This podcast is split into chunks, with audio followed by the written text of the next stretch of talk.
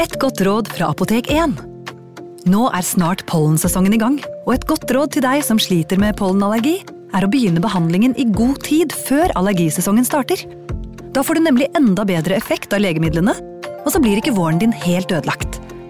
Kom innom og få råd på ditt nærmeste Apotek 1, eller chat med oss på apotek1.no. Apotek 1 vår kunnskap, din trygghet.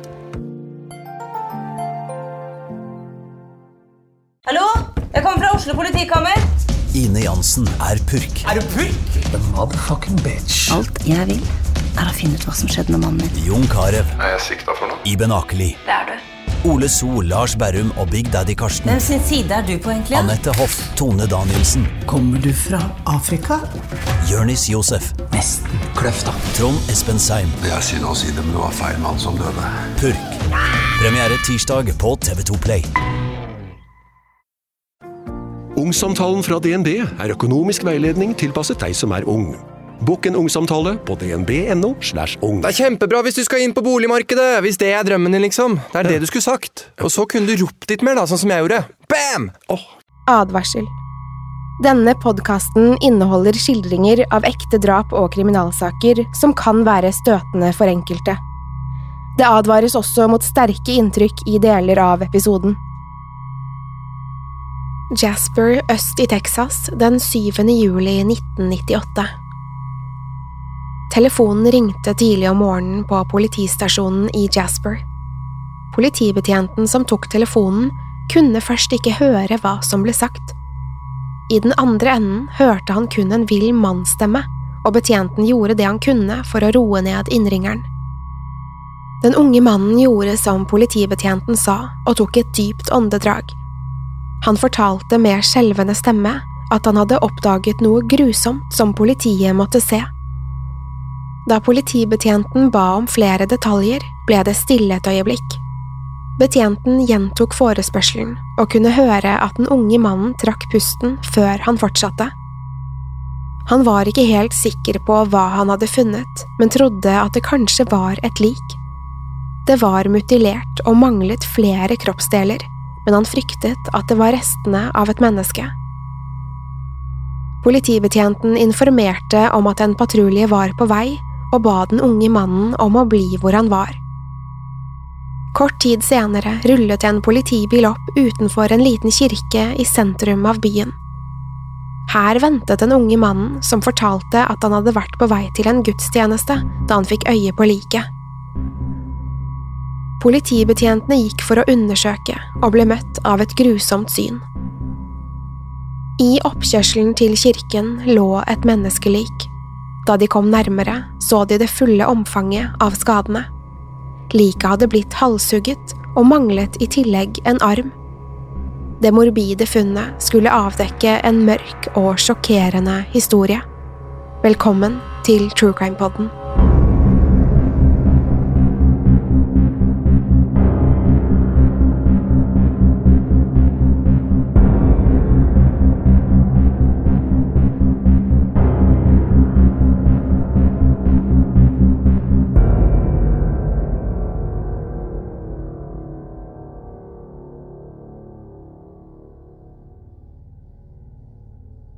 Da politietterforskerne undersøkte det maltrakterte liket, innså de at kroppen hadde blitt fullstendig revet i filler. Det kunne umiddelbart se ut som at offeret hadde blitt påkjørt og dratt under hjulene på en bil.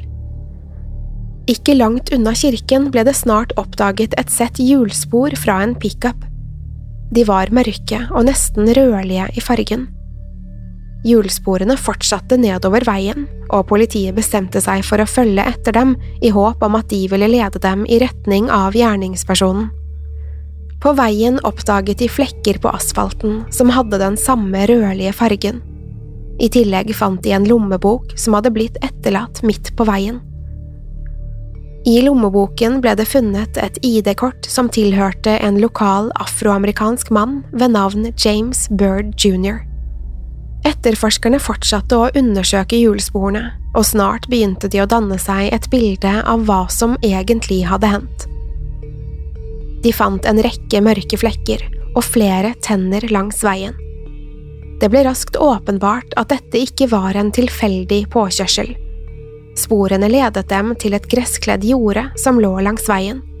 Det var dype fotspor i gjørmen, og flekker av rød spraymaling prydet området.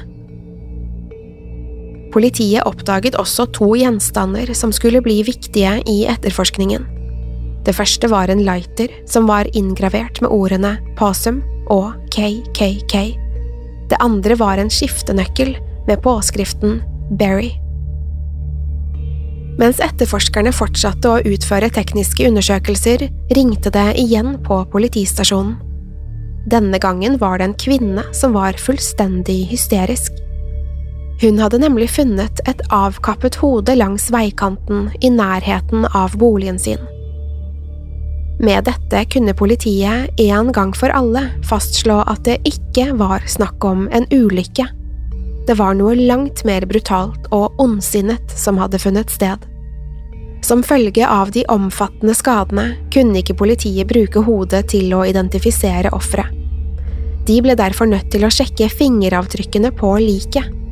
Sammen med ID-kortet fra lommeboken kunne politiet bekrefte at den avdøde var 49 år gamle James Bird jr. Politiet begynte umiddelbart å avhøre innbyggerne i området, og varslet samtidig den avdødes familie. Hele samfunnet var knust, og kunne ikke begripe hvordan noe slikt kunne skje. Mellom tårene og forferdelsen var de likevel i stand til å fortelle politiet mer om offeret. James ble født den 2. mai 1949 og hadde bodd i Jasper hele sitt liv. Han var det tredje av foreldrenes ni barn og hadde vokst opp i en svært religiøs familie. Moren hans, Stella Sharp, var søndagsskolelærer, og faren, James Bird senior, jobbet som kirketjener. Han hadde alltid vært glad i sang og musikk, spilte trompet og piano og likte godt å underholde venner og familie. Hver gang familien var samlet, satt James seg ved pianoet og sang gamle bluesklassikere. Han hadde også brukt pianoferdighetene under søndagsgudstjenestene i farens kirke. Uansett om det var fest eller gudstjeneste, hadde James bidratt med musikalske innslag for å heve stemningen. James fullførte videregående skole i 1967 og var en del av det siste kullet som gikk på segregerte skoler. Gjennom hele James' skolegang hadde nemlig elevene vært adskilt som følge av hudfarge. Etter 1967 ble elevene blandet, noe som var en stor seier for det afroamerikanske miljøet. Dette skillet var spesielt merkbart i sørstatene, som i lang tid hadde vært preget av rasisme og diskriminering. Han giftet seg i 1970 og fikk etter hvert tre barn. Renee, Ross og Jamie var veldig stolte av faren sin, og han var alltid god og kjærlig mot dem. Under overflaten var likevel ikke alt rosenrødt. James slet med alkoholisme og måtte i perioder ty til kriminalitet for å forsørge familien. Han ble flere ganger arrestert for tyveri og dømt til å sone kortere fengselsstraffer. Dette kostet han til slutt ekteskapet, som sendte James inn i en dyp depresjon. Likevel var ikke James typen til å gi opp.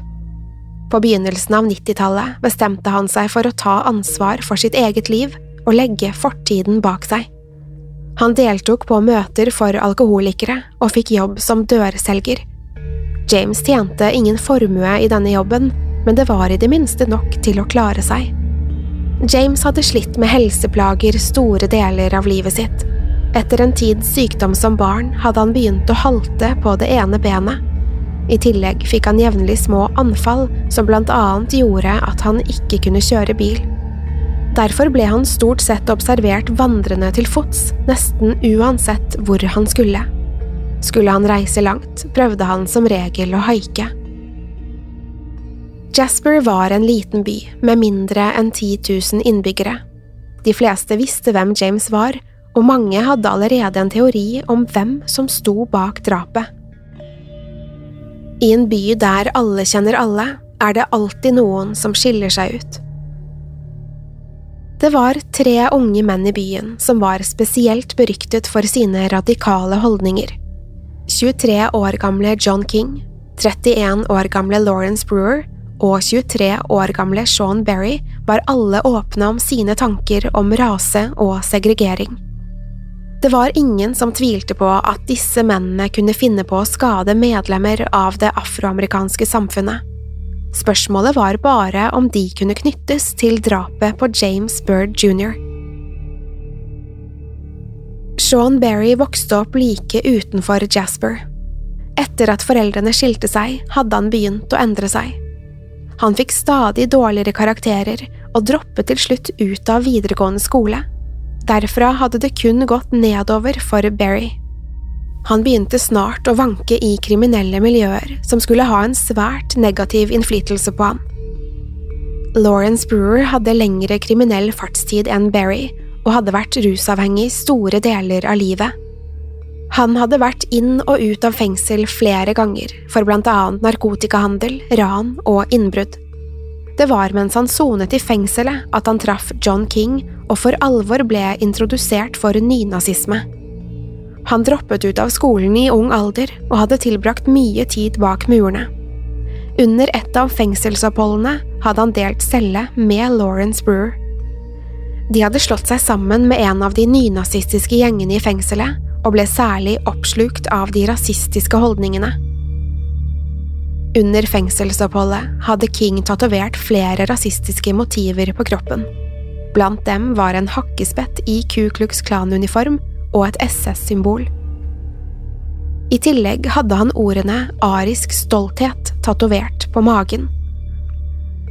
Da King igjen var en fri mann etter kun å ha sonet to av åtte år, planla han å etablere sin egen nasjonalistiske gruppering.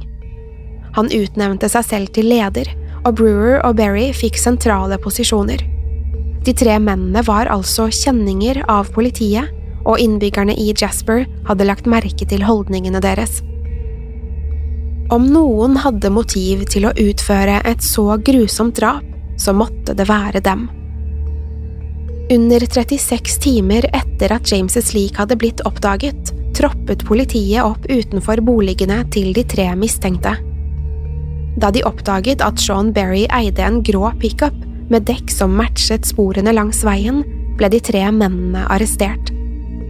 Politiet var ikke lenger i tvil om at dette var snakk om hatkriminalitet, og var overbevist om at King, Lawrence og Berry var involvert. Lighteren og skiftenøkkelen som ble funnet på jordet, knyttet dem også til åstedet. Det sto Berry på skiftenøkkelen, og Possum hadde vært Kings kallenavn da han satt i fengsel. Innbyggerne i Jasper hadde lenge trodd at lynsjing var noe som tilhørte fortiden, men det var ingen overraskelse at det fremdeles var utbredt rasisme i samfunnet. Det de sto overfor nå, var like fullt en smertefull påminnelse om hvordan sørstatene hadde sett ut frem til midten av 1900-tallet. Det eneste som gjensto for politiet, var å finne ut hva som hadde skjedd kvelden James hadde dødd. Pickupen ble gjennomsøkt, og det ble funnet spor av blod og hudrester fra James. Både hjulene og eksosrøret var dekket av blod, og vitnet om at noe forferdelig hadde skjedd. King, Lawrence og Berry hadde et brennende hat for det afroamerikanske miljøet i byen. De hadde flere ganger forsøkt å opprette en Ku Klux Klan-avdeling i Jasper, og var ikke redde for å dele sine meninger. De tre mennene virket nærmest stolte av hva de hadde gjort, og gjenfortalte dette ned til minste detalj. De tre mennene hadde kjørt langs veien på kvelden den 7. juni. De var på vei til en grillfest, og det hadde vært god stemning i bilen. Plutselig hadde de lagt merke til James som sto langs veien og haiket. Så snart de fikk øye på han, hadde de bestemt seg for hva de skulle gjøre. Sammen hadde de blitt enige om at de var nødt til å gjøre noe stort som ville sende en sjokkbølge gjennom Texas og resten av landet. De hadde flere ganger diskutert hvordan de kunne fange oppmerksomheten til den nasjonale Ku Klux Klan-organisasjonen. Målet var å sende en advarsel til hele det afroamerikanske miljøet. De stanset ved siden av James og tilbød seg å kjøre ham hjem. Først hadde de fremstått hyggelige, slik at han senket skuldrene og satte seg inn i bilen. Da de hadde kjørt et stykke, tok de plutselig av på en øde landevei, langt fra folk og bebyggelse. James hadde reagert på at dette ikke var veien hjem, og de tre mennene forsto at de var nødt til å handle raskt. De kjørte inn til siden av veien og stanset bilen. Før James innså hva som foregikk, hadde de grepet tak i han og dratt han ut av bilen. James ble kastet i bakken, og King, Lawrence og Berry samlet seg rundt han mens de begynte å sparke og slå. Som om ikke det var nok, kledde de James naken, sprayet ham i ansiktet med rød spraymaling og urinerte på ham. Hele tiden hadde de ledd og spottet ham. Det var ingenting James kunne gjøre for å slippe unna. Mennene var konstant på ham og dyttet ham ned igjen hvis han prøvde å reise seg. John King forsvant et øyeblikk og hentet ut en lang, tykk kjetting fra lasteplanet på pickupen. Han bandt den ene enden til bilen før han igjen nærmet seg James. Mens de to andre holdt James nede, ble den andre enden av kjettingen bundet rundt anklene hans. James var forslått og svak, og kunne ikke gjøre noe for å stanse det grusomme som var i ferd med å skje. Mens de lo hånlig mot ham, satte King, Lawrence og Berry seg tilbake i bilen og startet motoren. Med James på slep begynte de å kjøre nedover den asfalterte landeveien. I nærmere fem kilometer kjørte de i høy fart, mens James ble dratt bak bilen. Hele veien lyttet mennene til at han ropte og ba om at de skulle stanse. Langs veien var det satt opp lave betongdelere som skilte veien fra fortauene på hver side. I høy fart og med enorm kraft traff James' kropp betongen, som gjorde at hodet og den høyre armen hans løsnet fra kroppen. Da de forsto hva som hadde skjedd, stanset mennene bilen for å se resultatet av hva de hadde gjort. Deretter hadde King, Lawrence og Berry slept James' mishandlede lik til en av byens afroamerikanske kirker og dumpet det i oppkjørselen. Her hadde de latt det ligge som en advarsel før de kjørte videre. Etter alt dette hadde de reist videre til grillfesten, slik de hadde planlagt å gjøre før de tilfeldigvis støtte på James. Under obduksjonen oppdaget rettsmedisinerne en enda mer grusom detalj. Ikke bare hadde James overlevd den brutale torturen da mennene hamret løs på ham. James hadde også vært i live og bevisst da han ble slept etter anklene bak bilen. Ifølge rettsmedisinerne kunne man se at James hadde forsøkt å holde hodet oppe slik at det ikke tok skade mot asfalten. Han hadde vært i live helt til han traff betongdeleren. Blod, hud, tenner og eiendeler lå spredt langs hele landeveien som et bevis på James' lidelser i sine siste minutter. Det brutale og hensynsløse drapet skapte store reaksjoner både i Jasper og resten av USA. Både motstandere av de grusomme handlingene og de som støttet gjerningsmennene, strømmet til for å tale sin sak. Det ble holdt store demonstrasjoner landet rundt, og det var nære ved å bryte ut i voldelige sammenstøt mellom Ku Klux Klan og Black Panthers. Begge gruppene hadde møtt opp i Jasper med våpen, klare til angrep dersom det viste seg nødvendig. Samtidig gjorde lokalbefolkningen i Jasper alt de kunne for å holde seg unna opptøyene. De ville vise at de tok avstand fra all form for konflikt motivert av fordommer og rasisme. I stedet søkte de tilflukt i kirkesamfunnene, hvor folk fra alle trosretninger samlet seg for å dele sorgen. Snart begynte rettssaken mot de tre gjerningsmennene, med både tilståelser før og etter siktelsen, samt de enorme mengdene bevis, var det aldri noen tvil om deres skyld. I retten ble det vist bilder av James' mishandlede kropp, og kjettingen som hadde blitt brukt til å slepe James nedover veien, ble vist frem for juryen. Retten uttrykte sin avsky mot de brutale metodene King, Lawrence og Berry hadde benyttet seg av.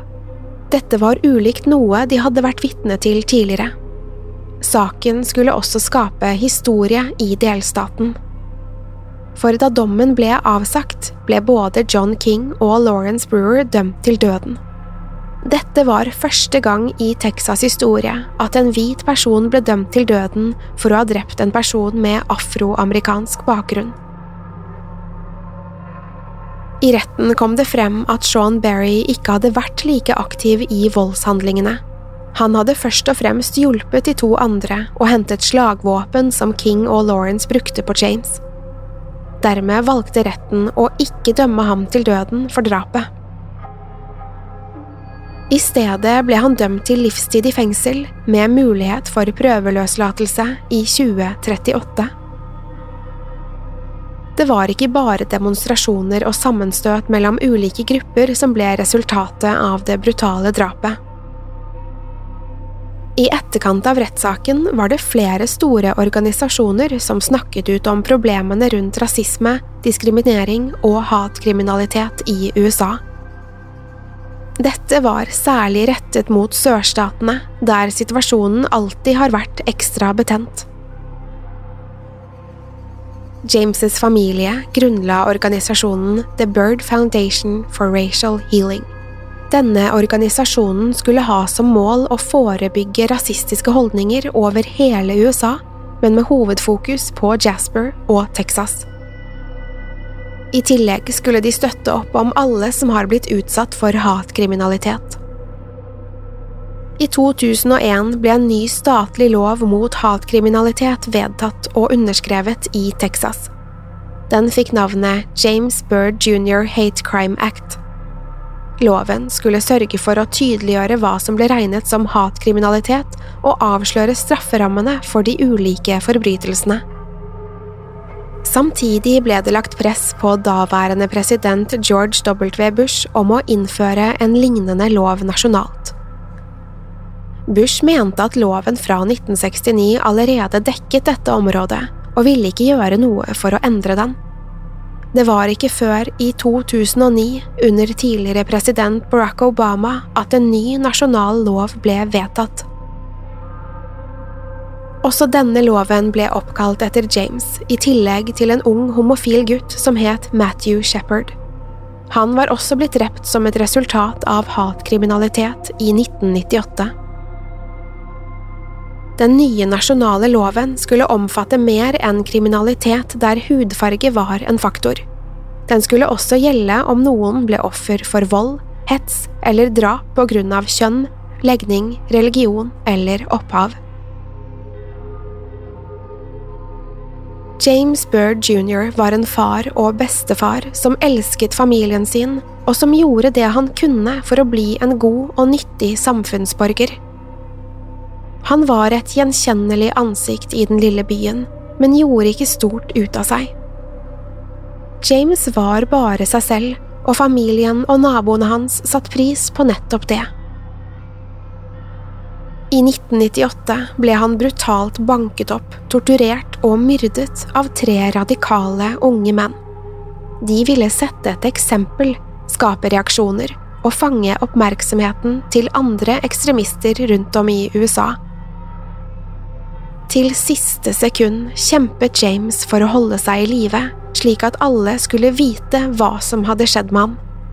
James' familie var knust etter det hensynsløse drapet.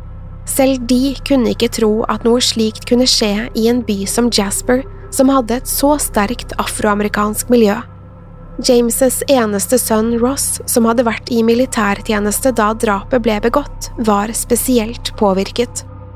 Han anså drapet og alt som fulgte, som et direkte angrep på landet han hadde tjent som soldat.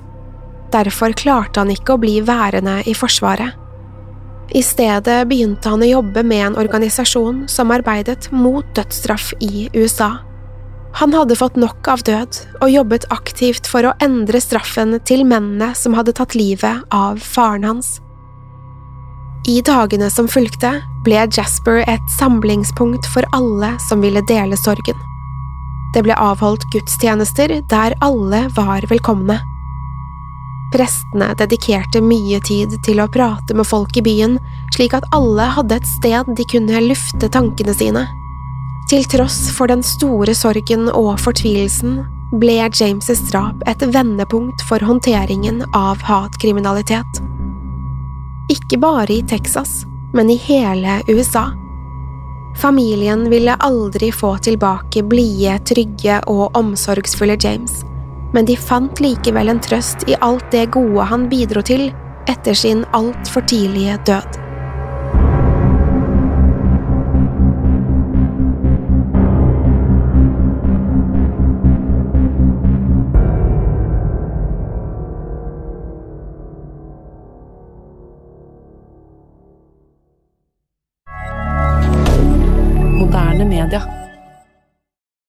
Har du et enkeltpersonforetak eller en liten bedrift? Da er du sikkert lei av å høre meg snakke om hvor enkelt det er med kvitteringer og bilag i fiken, så vi eh, gir oss her, vi.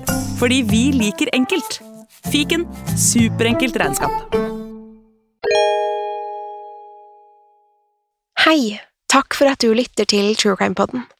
Skulle du ønske at du kunne høre en ny episode av denne podkasten hver eneste uke? Vel, da er det bare å laste ned podkastappen Untold med en gang. I tillegg til ukentlige episoder av podkaster som Skrekkpodden, Synderne og Henrettelsespodden, får du masse annet reklamefritt og eksklusivt innhold. Last ned Untold i AppStore eller Google Play, og start din 30 dagers prøveperiode i dag.